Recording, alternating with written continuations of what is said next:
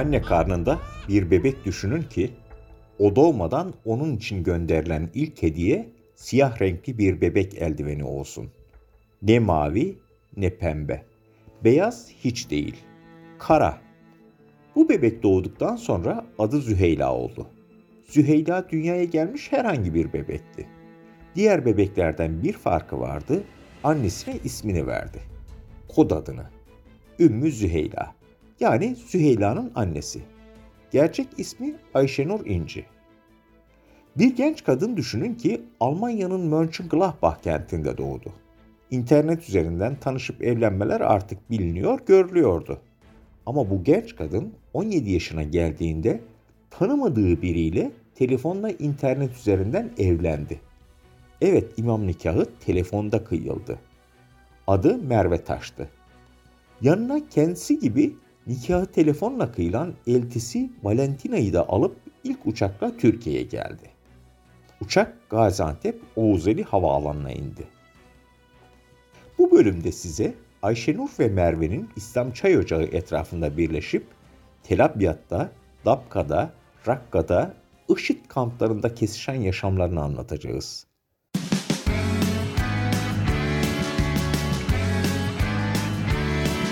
Kulağınız bizde olsun. Kısa Dalga Podcast. Aslında öznemiz Ayşenur ve Merve. Ama her biri Alkansa IŞİD kadın tugayının nüvesi olan IŞİD'in kadınlarını anlatacağız. Örgüte nasıl katıldılar, kamplarda neler yaptılar, isimlerini kanlı eylemlerden duyduğumuz kimlerle kaldılar. Bir sonraki bölümde de yargı onları nasıl mağdur olarak gördü, onların nasıl da eşlerinin peşinden gitmek zorunda kalan ev kadını yaptı, onları konuşacağız. Türkiye'nin kanlı yakın tarihini hatırlamaya hazırsanız başlıyoruz. IŞİD'in kadınlarını önce onları soruşturma ve dava dosyalarından iyi tanıyan, hatta bazı mahkeme salonlarında tanık olarak sorgulayan avukat Senem Doğanoğlu'ndan dinleyelim. IŞİD'li kadınları dünyada aslında 2015'te hilafet ilanı sonrası Elhanza Tugayı ismi verilen e, sadece kadınlardan oluşan, IŞİD'li kadınlardan oluşan e, bir grupla tanıdık. E, kamuoyu bununla bildi, dünya kamuoyu da bununla bildi ve bu Tugay aslında e, IŞİD'in yayın organlarında bir manifestoyla çıkış yaptı. Hilafetin ilan edildiğini, e, yeni bir e, hilafet altında sonsuz cihat çağrısıyla mücahit olarak e, bütün kadınları bu yeni kurulan devleti inşa etmeye davet etti. Çok uzunca bir süre Avrupa'dan özellikle yine kamuoyuna yansıdığı üzere e, bu tırnak içi hicrete katılmak üzere kadınlar e, yolculuk ettiler ve bu yolculukların hepsinde de aslında Türkiye sınırından geçildiği e, yine basın organlarına yansıdı. Türkiye bu anlamda öncelikli olarak kadınlar açısından güvenli, e, korunaklı, e, kolay bir geçiş yoluydu. Ve IŞİD'in, e, Kadın Tugayı'nın ve IŞİD'in kendisinin aslında çağrısına uyan bu kadınlar açısından da e, yine e, çok işlevsel olarak kapılarını açan bir ülke pozisyonundaydı.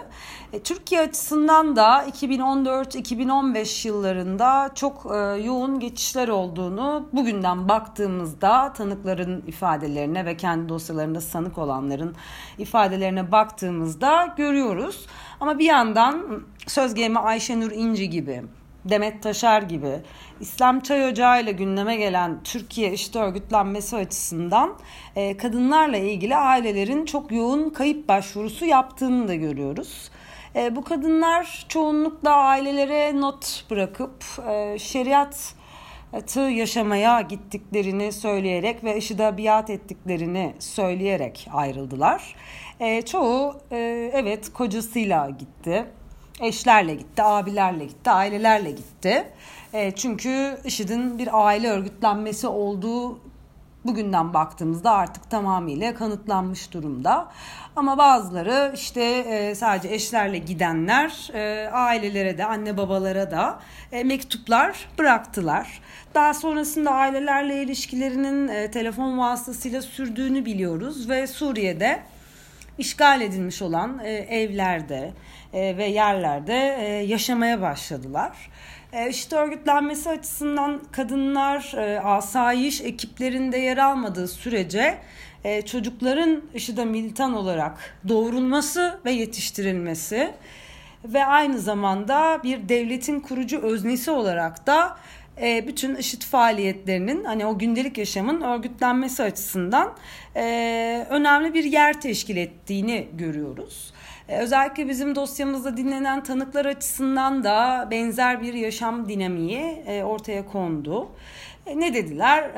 Söz gelimi Ayşenur İnci 2014'te çıkış yaptığında ne kadar kolaylıkla çıkış yaptığını anlattı. Kara bayraklarla karşılandıklarını ve bir hoş geldin denildiğini anlattı. Daha sonra e, gülerek üstüne üstlük e, ya orada işte insanların evleri yoktu ya el konulmuştu ya oralarda kaldık dedi.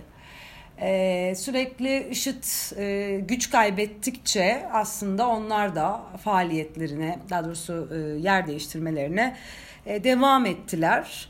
Ta ki Bağoz'da yenilinceye kadar IŞİD e, çoğunun kaldığını, IŞİD'i devam ettirmek, e, bir kısmı kocalarının taziyesini de yapmış olmakla birlikte IŞİD'de kalmaya devam etmek şeklinde hayatlarını geçirdiler. E, dediğimiz gibi gördüğümüz yine ifadelerden ne zaman ki e, Bağoz'da yenildi. Artık son kale düştü. IŞİD açısından e, bu sefer e, kamplara alındılar. E, kamplardan da e, kaçış süreçleri var. Ama kaçış süreçlerinin e, nasıl organize edildiği konusunda e, hiç kimse e, gerçek bir cevap vermedi. Dahası Türkiye sınırlarından geçerken o geçişlerin nasıl olduğuna dair çok örtülü cevaplar verdiler. Bir kısım kadın için e, çok büyük e, MIT operasyonları yapıldığı iddia edildi. Özellikle e, Efrin operasyonu sırasında kadınların yoğun olarak Türkiye'ye döndüğünü gördük. E, takasların e, imkan dahilinde olduğunu düşünüyoruz. E, bunlar henüz alenileşmiş değil kuşkusuz. Ama e, Ayşenur İnci gibi, Merve Dündar gibi İçişleri Bakanlığı'nın canlı bomba listesinde ve ödül listesinde bulunması halinde 1 milyon liraların vaat edildiği bu kadınlar e, bir şekilde geldiler. E, Türkiye'ye girdiler. Bir kısmı serbest kaldı, bir kısmı e, tutuklandı ama daha sonra hani bir yargılama sürecine girdiler. E, ama IŞİD açısından, IŞİD çağrısına biat eden ve e, IŞİD'in militanı niteliğinde olan kadınlar ve aramızdalar. Kara dullar olarak çokça telaffuz edildiler. IŞİD'in işte dulları, eşleri, çocukları. E, ama yani evet te- teknik olarak öyleler. Ama bir yandan bundan çok daha fazlasılar. E, çünkü e, Selefi cihatçı görüşleri benimseyen e, ve bugün hala e, yapılan yine röportajlar e, gereği gördüğümüz, bildiğimiz üzere çocuklarını aynı düzeyde tehdit eden, terbiye eden, e, gayet e, aynı selefi düşüncelerle yaşamaya devam eden aslında kadınlar. IŞİD'in kadınlarını konuşmaya önce yakından başlayalım. Bize Suruç'u, Diyarbakır'ı, Ankara Garı'nı hatırlatan Adıyaman'daki İslam Çay Ocağı'ndan başlayalım. IŞİD iddianamelerinin firari sanığı olacak olan Ersel Ocak, bu çay ocağının müdavimlerindendi. Mahalleden bir kızla konuşuyordu. İncilerin Ayşenur. Lise 1. sınıftan tanışırlardı. Önceleri Ayşenur'la sinemaya giderler, parkta, pastanede otururlardı. Ayşenur İnci üniversiteyi kazandı. Pantolon giyerdi. Her genç gibi müzik dinlerdi. Ama yine de muhafazakar bir ailenin kızıydı. Evde Kur'an da okurdu, kapalıydı. Onun deyimiyle asıl serseri olansa Ersel'di. Bu iki genç böyle yaşayıp giderken 2014 yılında Irak ve Suriye tarafında bir şeyler oluyordu. El-Kaide'nin Irak kolu Nusra cephesiyle birleşip Irak Şam İslam Devleti'ni yani IŞİD'i kurduğunu duyurdu kendilerini halife olarak ilan ettiler. Çöl rüzgarının Adıyaman'a ulaşması gecikmedi. İslam Çay Ocağı'ndaki buluşmaların konuları da bu rüzgardan etkilendi. Dini konular konuşuluyor, Müslümanlığı yaşamanın güzellikleri, üzerinde duruluyordu. Daha sonra bunlar dokumacılar hücresini oluşturacaktı. IŞİD'in Türkiye örgütlenmesinin temelini. Ersel de o yılın ortalarından sonra değişmeye başlamıştı. Kız arkadaşına pantolon giyme, müzik dinleme, üniversiteye gitme, orası küfür ortamı gibi sözler söylemeye başlamıştı. Ayşenur bunları yadırgadığını söylüyordu ama aslında çok da öyle değildi. Şam yelinden o da etkilenmeye başlamıştı. Gönülsüz gibi görünse de erkek arkadaşın tavsiye ettiği kadınlarla görüşmeye başlamıştı. Onlar da kendisine Müslümanların ne kadar acı çektiklerini anlatan kitaplar veriyorlar, sohbetler ediyorlardı. Başörtüsünün şekli ve kıyafetleri değişmeye başlamıştı. Ersel Ocak bir gün ayaküstü sohbet sırasında Ayşenur'a evlenelim dedi. Ayşenur da olur dedi. Sokak ortasında almışlardı bu kararı. Doğruca bir eve gittiler. Her şey hazırdı. İmam gelmiş bir odada erkekler de oturuyor, kadınlar diğer odada oturuyor. Ersel erkeklerin olduğu odaya geçti. Ayşenur kadınların yanına. İmam onları karı koca ilan ediverdi. İmam kim miydi? IŞİD'in Gaziantep'teki etkin hücresi dokumacıların başındaki isim Mustafa Dokumacı. Şahit kim miydi? IŞİD'in Adıyaman'daki kadın sorumlusu Serpil Dere. Evde bir kadın daha vardı ve Ayşenur'un yolu bu isimle sık sık kesişecekti. Merve Dündar.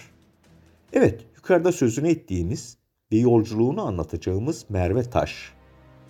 Evlenmiş ve soyadını Dündar olarak almıştı. Merve ve Dündar soyadını şimdilik burada bırakalım, nikaha dönelim. Nikah kıyıldı. Asıl konuya geçildi. Suriye'ye gidilecekti. Zaten nikah da bunun için kıyılmıştı. Yani öyle daha sonra yargının dediği gibi ne yapacaksın kocası, kocası ısrar etmiş, kocasının peşinden gitmek zorunda kalmış değildi. Nikah Ekim'in 25'indeydi. Örgüt gidiş hazırlıkları yapıyordu. Ayşenur da evden ayrışına bir gerekçe bulmalıydı. Buldu. Ailesine bir mektup bırakacaktı. Zaten muhafazakar yapıda olan ailesine dil öğrenmeye gidiyorum derse olurdu. Hem zaten son zamanlarda dinini yeterince yaşayamadığından bahsetmiyor muydu evdekilere? Aldı kalemi eline yazmaya başladı. Canım anneciğim, canım babacığım ve abicim. İlim eğitimi için medreseye gidiyorum. Mektubunda Rabbime söz verdim diyor ve hafız olacağını anlatıyordu. Ve mektubunu şöyle bitiriyordu. Rabbim bize İslam'ı hakkıyla anlamayı, anladığı gibi uygulamayı nasip etsin. Amin. Ayşenur niye böyle bir mektup yazdığını daha sonra ifadelerinde eğer DAEŞ'e katılmak için Ersel'le kaçıyorum deseydim Adıyaman küçük yerdi ve daha çıkmadan yakalanırdık diye anlatıyordu. Har Har garajına gittiler. Minibüs hazırdı. Müşteriler gelmeye başlamıştı. Müşterilerin içinde tanıdık bir isim de vardı. Devletin o sıralar canlı bomba olacak diye aradığı internet kafedeki İslam Çay Ocağı'nın müdavimi Ahmet Parlak. Minibüs hareket etti. Daha yolculuk yeni başlıyordu ve daha kimlerle kimlerle karşılaşacaklardı. Önce Urfa'da bir eve gittiler ve beklemeye başladılar. Civar yerlerden gelen birileri daha olacaktı. Yani burası toplanma yeriydi. Onları oradan bir minibüs aldı. Aracı kullanan kişi birilerini arıyor ve bilgi veriyordu. Abi cevizleri aldım. Cevizlerin içi doluymuş. Yolda araç değiştirdiler. Siyah bir minibüse bindiler. Bu minibüste onları Suriye sınırına kadar götürdü. Minibüs durdu. Aracı kullanan kişilerden biri eliyle güneye doğru işaret etti. Şimdi buradan koşarak geçeceksiniz. Sınırda bulunan tren yolunu geçince Suriye'ye Cerablus'a varmış olacaksınız. Öyle yaptılar. Koşarak geçtiler. İşte Türkiye'den IŞİD'e katılmak bu kadar kolaydı. Bir tren yolunu koşarak geçmek kadar.'' Onları iki kişi karşıladı. İslam ülkesine hoş geldiniz dediler. Karşılayan kim miydi? Ebu Talha Kod adlı Erman Ekici. Erman Ekici'yi daha sonra 10 Ekim Ankara katliamının yok edilmeye çalışılan delilleri arasında silinen diskten kurtarılan belgelerde görecektik. Katliamın planlayıcılarındandı. Beyaz bir pikaba binip yola düştüler. Yol 4 saat sürdü. Varış yeri Tel Abyad'tı. Pikap bir evin önünde durdu. Öyle derme çatma bir yer de değildi. E ne de olsa örgütün önemli isimlerinden Ebu Enes'in eviydi. Aslında onun da değildi. Ev artık kimsenin değildi. IŞİD saldırılarından kaçan bölge hakkından bir aileye aitti. Ebu Enes buraya yerleşmişti. Ev muntazamdı. Eşyaları dayalı döşeliydi. Emirlere layıktı. Zaten şu anda oturan sakini de Ebu Enes de bir emirdi. IŞİD'in lojistik emiri Ebu Enes. Örgüt içinde herkes onu tanırdı. Gerçek adı Deniz Büyükçelebi'ydi. Peki biz nereden tanıyorduk? Daha doğrusu tanıyacaktık Deniz Büyükçelebi'yi. Diyarbakır ve Suruç'tan. Buradaki katliamlarda kullanılan malzemeleri tedarik etmiş, bombaların, canlı bombaların buralara götürülmesini organize etmişti. Öyle ya, lojistik onun işiydi. IŞİD jargonunda bu evlere makar denilirdi. Makar, karar alınan, oturulan yer, karargah demekti. Evli erkekler ve kadınlar kalırdı. Erkekler mak makarı ayrı, kadınlar makarı ayrı olurdu. Yeni evliler de bu makarlara yakın yerlerdeki evlerde bir süre beraber yalnız kalırlar, sonra herkes kendi işinin başına makarlarına dönerlerdi. Enes ve Ayşenur makara geldiklerinde içerisi kalabalıktı. Ayşenur ifadelerinde burada gördüğü, beraber kaldığı isimleri şöyle sıralıyordu. Gaziantep'li Fatma, Gaziantep'li Nesibe, Gaziantep'li Sevgi, Elazığlı Esma, Bingöllü Zeynep, Elazığlı Gülten hepsi Gaziantep ve çevresinden gelmişlerdi. O nedenle de buraya Gaziantep Ketibesi denilirdi. Ayşenur Ketibe'nin ne demek olduğunu daha sonra bize şöyle anlatacaktı.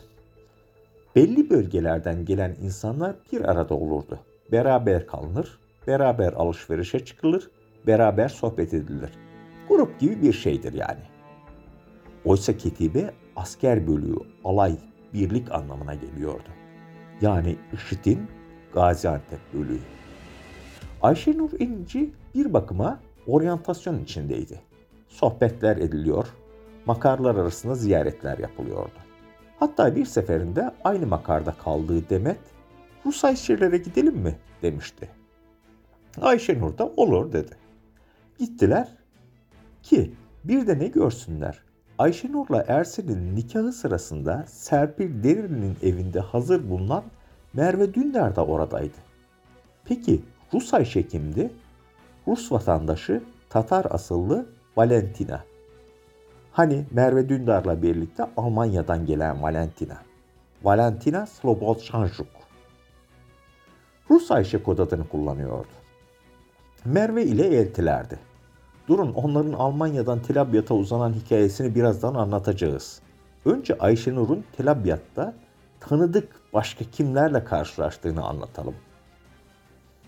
Gaziantep Ketibesi'nin sakinleri Ebu Enes'in evinde 15 gün kadar yaşadıktan sonra başka makarları dolaşmaya, onlarda kalmaya başladılar. Bir seferinde de Abdülhakim ve Hoca kod adlarını kullanan Ahmet Güneş'in evine gittiler. Bu evin havası daha ağırdı. Ne de olsa evin reisi IŞİD'in infazcısı Ahmet Güneş'ti. Örgütten kaçacak olan olursa o infaz ederdi. Sonra da zaten Ankara Garı patlamasını organize edenler arasında yer alacaktı. Evin hanım ağası da ağırdı. Nesibe Kodatlı Sabiha Güneş. Ayşenur İnce ifadelerinde sürekli ev işlerini yapardık, temizlik, yemek, sohbet ederdik diye anlatıyordu. Biraz da bazı şeyleri sakladığı belli olmasın diye Kur'an'da okurduk dediği de olmuştu. Ama ifadesinin bir yerinde IŞİD içindeki kadınların orada oluş nedenlerinden birini ağzından kaçırıverdi ve az önce sözünü ettiğimiz makardaki ağır abla Sabiha Güneş'in eğiticilerin eğitmeni fonksiyonunu şöyle anlatıverdi. Tel kaldığım süre zarfında dini eğitimler aldım. Bu eğitimler Nesibe Kod adlı Sabiha Güneş isimli şahıs kontrolünde veriliyordu. Benim eğitim aldığım yerde sadece Gaziantep Ketibesi'nde bulunanlar eğitim alıyordu. Ayşenur burada eğitim alan onlarca kadın saydı. Gaziantep'li Güler, Diyarbakırlı Fatma, Gaziantep'li Ayfer. Uzun bir liste. Ayşegül eğitimini tamamlamış, eğitim veren haline gelmişti artık anlaşılan ki makar makar dolaşıyordu. Farklı makardaki kadınların yanına gidip geliyordu. Hatta çarşıda bir gün Orhan Gönder'i görmüştü. 2015'in Şubat ayında gittiği bir makarda Gaziantep'li Beyza ile karşılaştı. Beyza örgüt için Ayşenur gibi biriydi sadece belki ama onun kocası bizce tanıdıktı. Ebu Seyyaf. Bir dakika. O Ebu Seyyaf, IŞİD'in Türkiye sorumlusu Ebu Zeynep'ten Ankara Garık katliamı için izin isteyen Ebu Seyyaf değil miydi? Kendisiydi. Ayşenur İnci'nin çarşıda gördüğünü söylediği Orhan Gönder de 2015 seçimlerinden önce HDP'nin Diyarbakır mitinginde bombaları koyan Orhan Gönder değil miydi? Ta kendisiydi. Ayşenur İnci ifadesinde sürekli ben dönmek istiyordum ama kocam izin vermiyordu. Ben dönmek istiyordum ama örgüt izin vermiyordu diye kendisinin kerhen orada bulunduğu imajını yaratmaya çalışıyordu. Ama ifadesinde Kelabiyat'taki bir anı anlattı ki IŞİD'in ne kadar tam da içinde olduklarını ortaya koyuyordu. Tıpkı oradaki komşularının IŞİD'in saldırılarını gerçekleştiren isimler olması gibi somut bir veriydi bu. Ayşenur kendisine kod adını verecek olan kızına hamileyken bir hediye geldi ve o anı şöyle anlattı. Yine Ersel Ocak yanıma geldiği bir gün sohbet arasında Orhan Gönder isimli şahsın iyi olduğunu söyledi ve bize Selamün Aleyküm Allah hicretinizi kabul etsin. Çocuğunuz olacakmış hayırlı olsun. Çok sevindim. Allah analı babalı büyüsün. Allah'a emanet. Selamün Aleyküm şeklinde not ve siyah renkli bebek eldiveni verdiğini söylemişti. Evet, Anna karnındaki Züheyla'nın ilk hediyesi IŞİD karası bir bebek eldiveniydi. Ve Ayşenur ve diğer IŞİD'li kadınların neden orada olduklarını gösteren bir simgeydi bu. Bebekler doğuracaklar ve onları şeriata uygun büyüteceklerdi. Siyah eldivenli.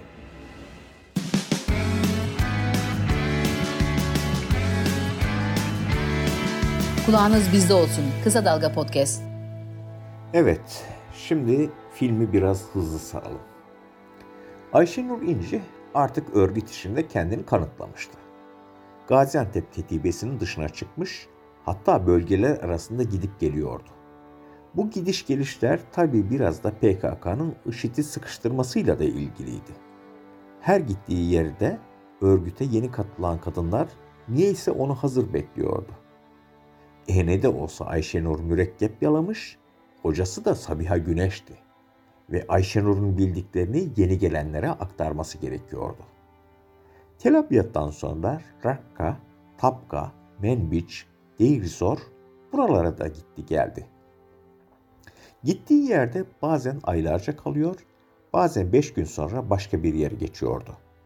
Bu sıra, süreler o bölgelerdeki ketibelerin büyüklüklerine, dolayısıyla yeni gelen öğrencilerin azlığına çokluğuna göre değişiyordu. Bu geliş gidişleri Tapka'da yaptığı ikinci doğumu aksatmamıştı. Bu geliş gidişlerinde artık devlet makarlarında kaldığı da oluyordu. Kocası Ersel Ocak bu geçen zaman çatında çatışmada iki kez yaralanmıştı. Hatta birinde geçici felç yaşamıştı. İşte tam da o sıralarda Türkiye'ye dönen IŞİD'li kadınlar basit bir sorgudan sonra salı veriliyor, haklarında şöyle usulden dava açılıp tutuksuz yargılanıyorlardı. Pişmanlıktan yararlanıp ceza almadan kurtularak toplum içine karışanların olduğu bile duyulur olmuştu. Ayşenur İnci 4 yıl kaldığı, kamp kamp dolaştığı Suriye'den dönmek için girişimlere başladı. Aslında sınıra kadar gelebilirse işi kolaydı. Teslim olacak, bildiklerini anlatacaktı. Bildiklerinin ne önemi kaldıysa Oralarda tanıdığı isimler Diyarbakır'ı, Suruç'u, Ankara Garı'nı çoktan patlatmışlardı. Hem ifadesinde anlatacağı isimleri Devlet Ayşenur İnci'den çok daha fazlasıyla biliyordu artık. Hazırlıklar başladı. Türkiye'deki babasından para istedi. O parayı aldı. 1 Ocak 2018'de yola çıktı. Kendisini Türkiye sınırına getirecek olan IŞİD'li niyeyse Ayşenur'u PKK'ya teslim edivermişti. Teslim mi edilmişti yoksa esir mi düşmüştü orası biraz karışıktı. Çünkü esir düştüm derse bu kez Türkiye'ye dönüşü zor olacaktı. Kendi iradesiyle gelmediği sonucuna varılabilecekti. Neyse, onun dediğini doğru kabul edip devam edelim. Birçok IŞİD'li kadınla birlikte aynı İsa bölgesindeki PKK kampına götürüldüler. Burada çadırlarda tutuluyorlardı. Tunuslu Zehra, Mağripli Rim, Özbekistanlı Zeynep, Cezayirli Ayşe, Ümmü Ala ve diğerleri. Aynı kampta çadırlarda kalıyorlardı. Burada 5 ay kaldı. Telefonları yoktu. Dışarıyla bağlantıları kopuktu. Ayşenur İnci Türkiye'ye döndükten sonra verdiği ifadede PKK'nın elinden kaçışını anlatırken önce oradan kurtarması için temasa geçtiği babasıyla iletişimini sağladığı telefon için tanımadığım gizli telefon satan biri vardı. Ondan aldım dedi. Sonra bir asker 50 dolara sattı dedi. Bu telefondan bir kaçakçı ile temasa geçtiğini söyledi. Kaçakçının numarasını da Ümmü Ala'dan almıştı anlattığına göre. Anlatımına göre kaçakçı gelip kendisini oradan aldı. Dicle nehrine vardılar. Oradan da botla Zaho'ya geçtiler. Kaçakçılar onu babasıyla Irak'ta buluşturdular.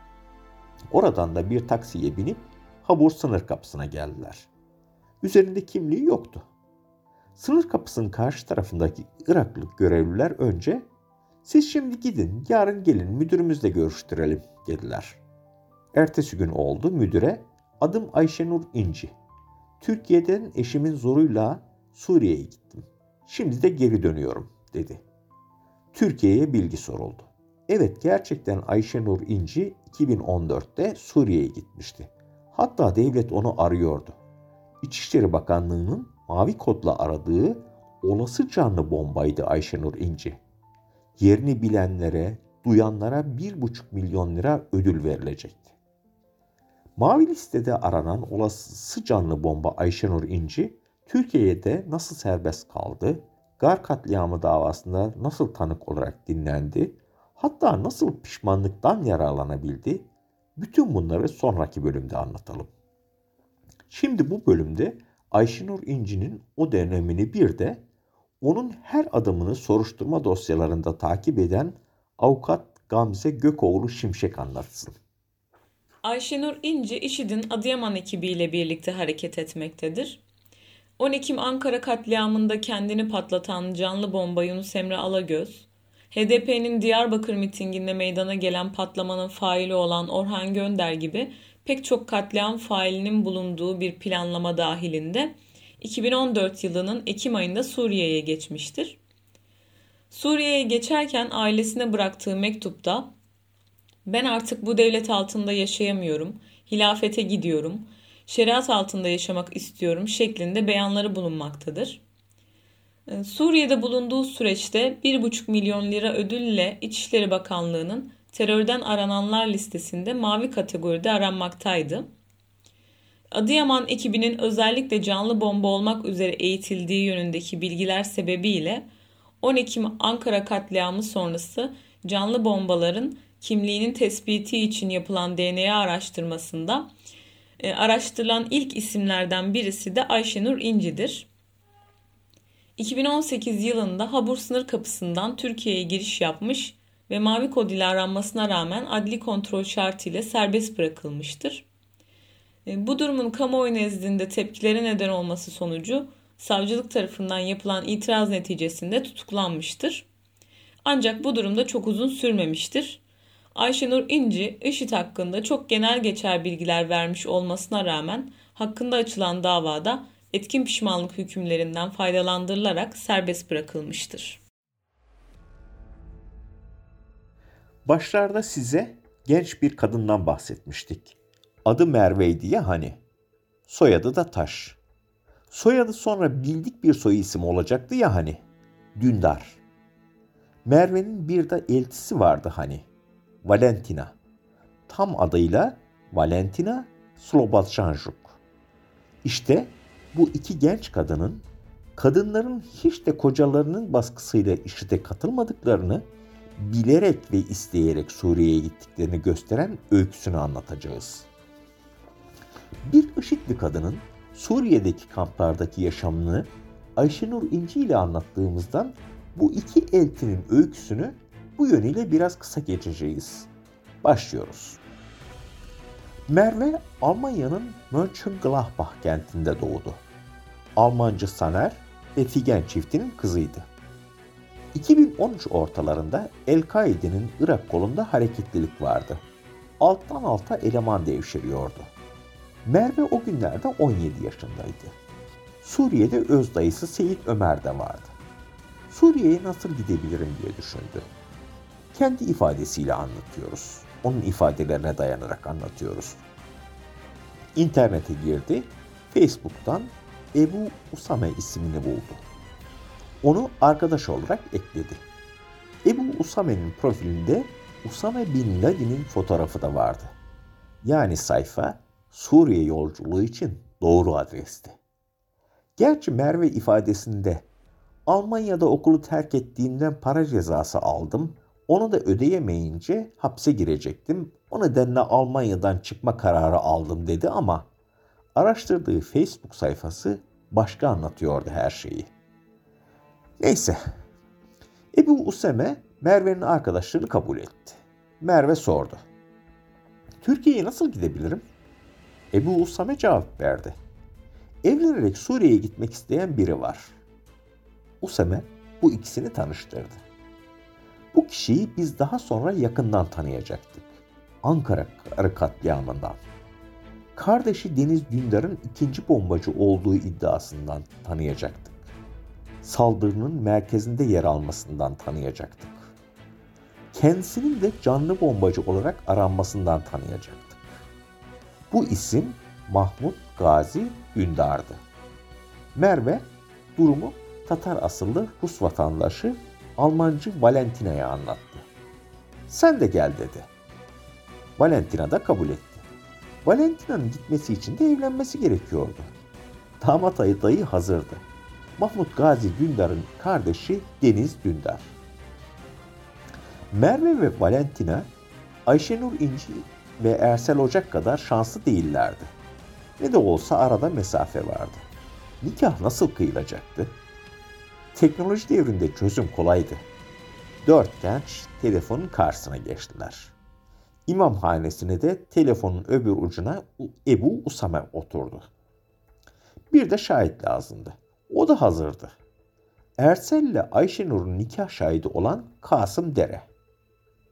Usame internetten ayrı ayrı sordu. Evlenmeye razı mısınız? Razıyız. Ben de sizi karı koca ilan ediyorum. Nikah kıyılmıştı. Artık iki genç kız için yolculuk başlamalıydı. Uçakla Gaziantep'e geldiler. Onları çiçeği burnunda eşleri Mahmut Gazi Dündar ve Ömer Deniz Dündar karşıladı. Adıyaman'a geçtiler. Burada bir daha imam nikahı kıyıldı. Tarih 2013'ün Eylül ayıydı. Nikah yüz yüze de kıyıldığına göre artık Suriye'ye gidebilirlerdi. Gerçi o nikah da yüz yüze değildi. Gelinler bir odada, imam ve damatlar başka bir odada karşılıklı seslenilerek kıyılmıştı ama olsundu. Hiç olmazsa ses dijital değildi. İki genç çift Suriye makarlarında kalma, e, kalmaya başladılar. Merve'nin işi onun iddiasına göre İHA İnsani Yardım Vakfı'nın kendileri gibi makarlarda kalanlara gönderdiği paketleri dağıtmak. Beş ay böyle geçti. Her iki çiftin de Türkiye'ye dönmesi gerekiyordu. Kod adı daha sonra Rus Ayşe olacak olan Valentina da bu dönüş sırasında ülkesine deport edildi. Sonra bir yolunu bulup tekrar eşinin yanına döndü. İki dündar çifti sürekli Türkiye-Suriye arasında gelip gidiyorlardı. Adana, Malatya, Elazığ, Adıyaman ve tabii ki Gaziantep'e uğruyorlardı. Bu geliş gidişlerinden birinde olsa gerek resmen de evlenmişlerdi ve Merve Taş resmen Merve Dündar soy ismini almıştı. Örgütte de kod adı Ümmü Sara idi.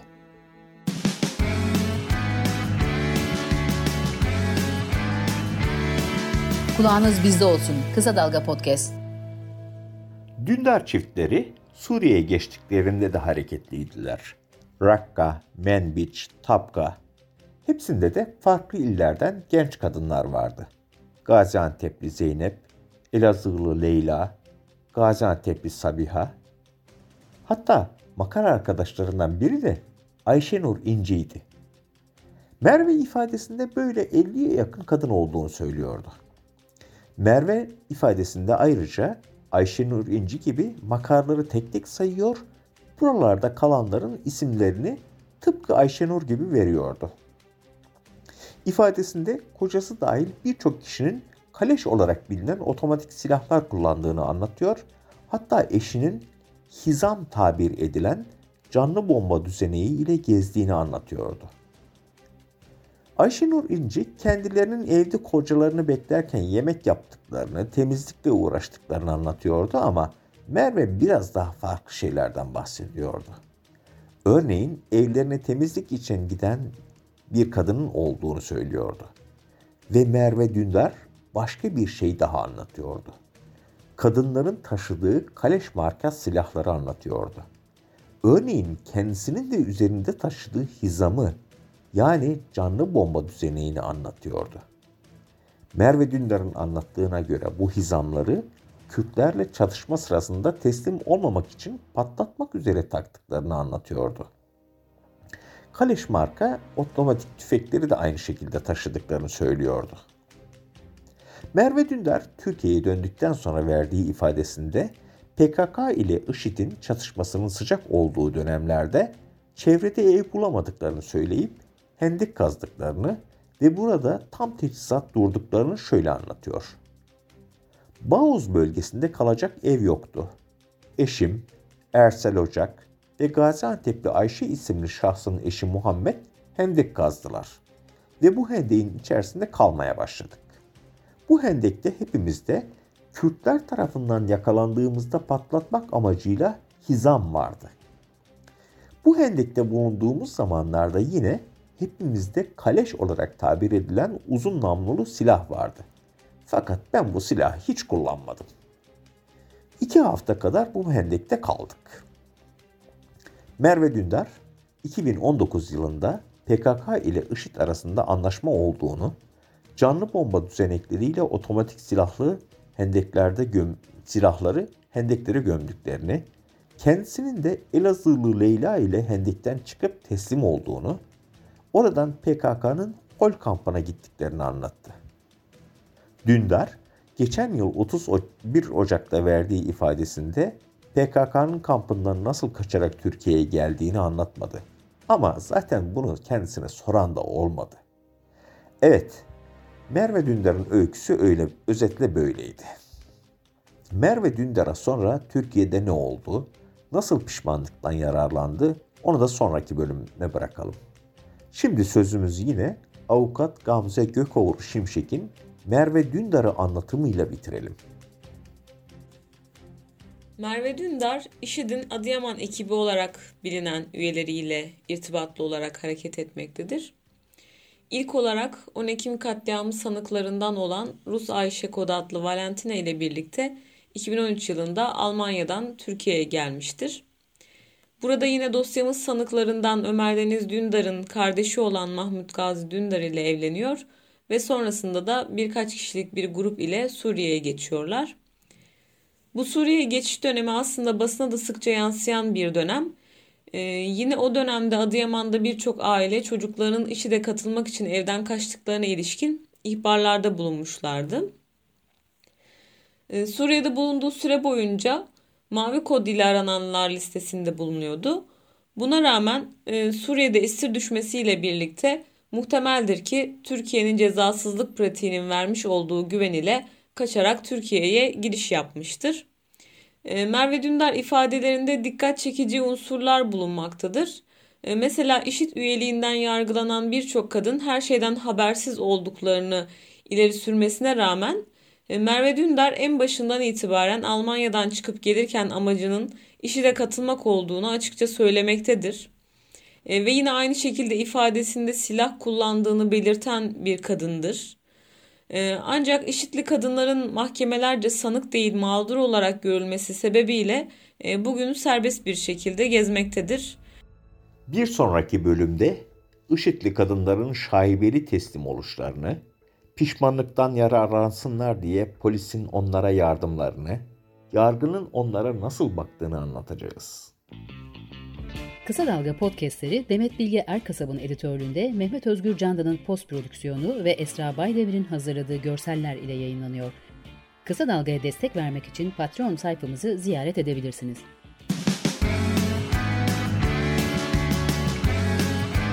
Oku, dinle, izle. Kısa Dalga.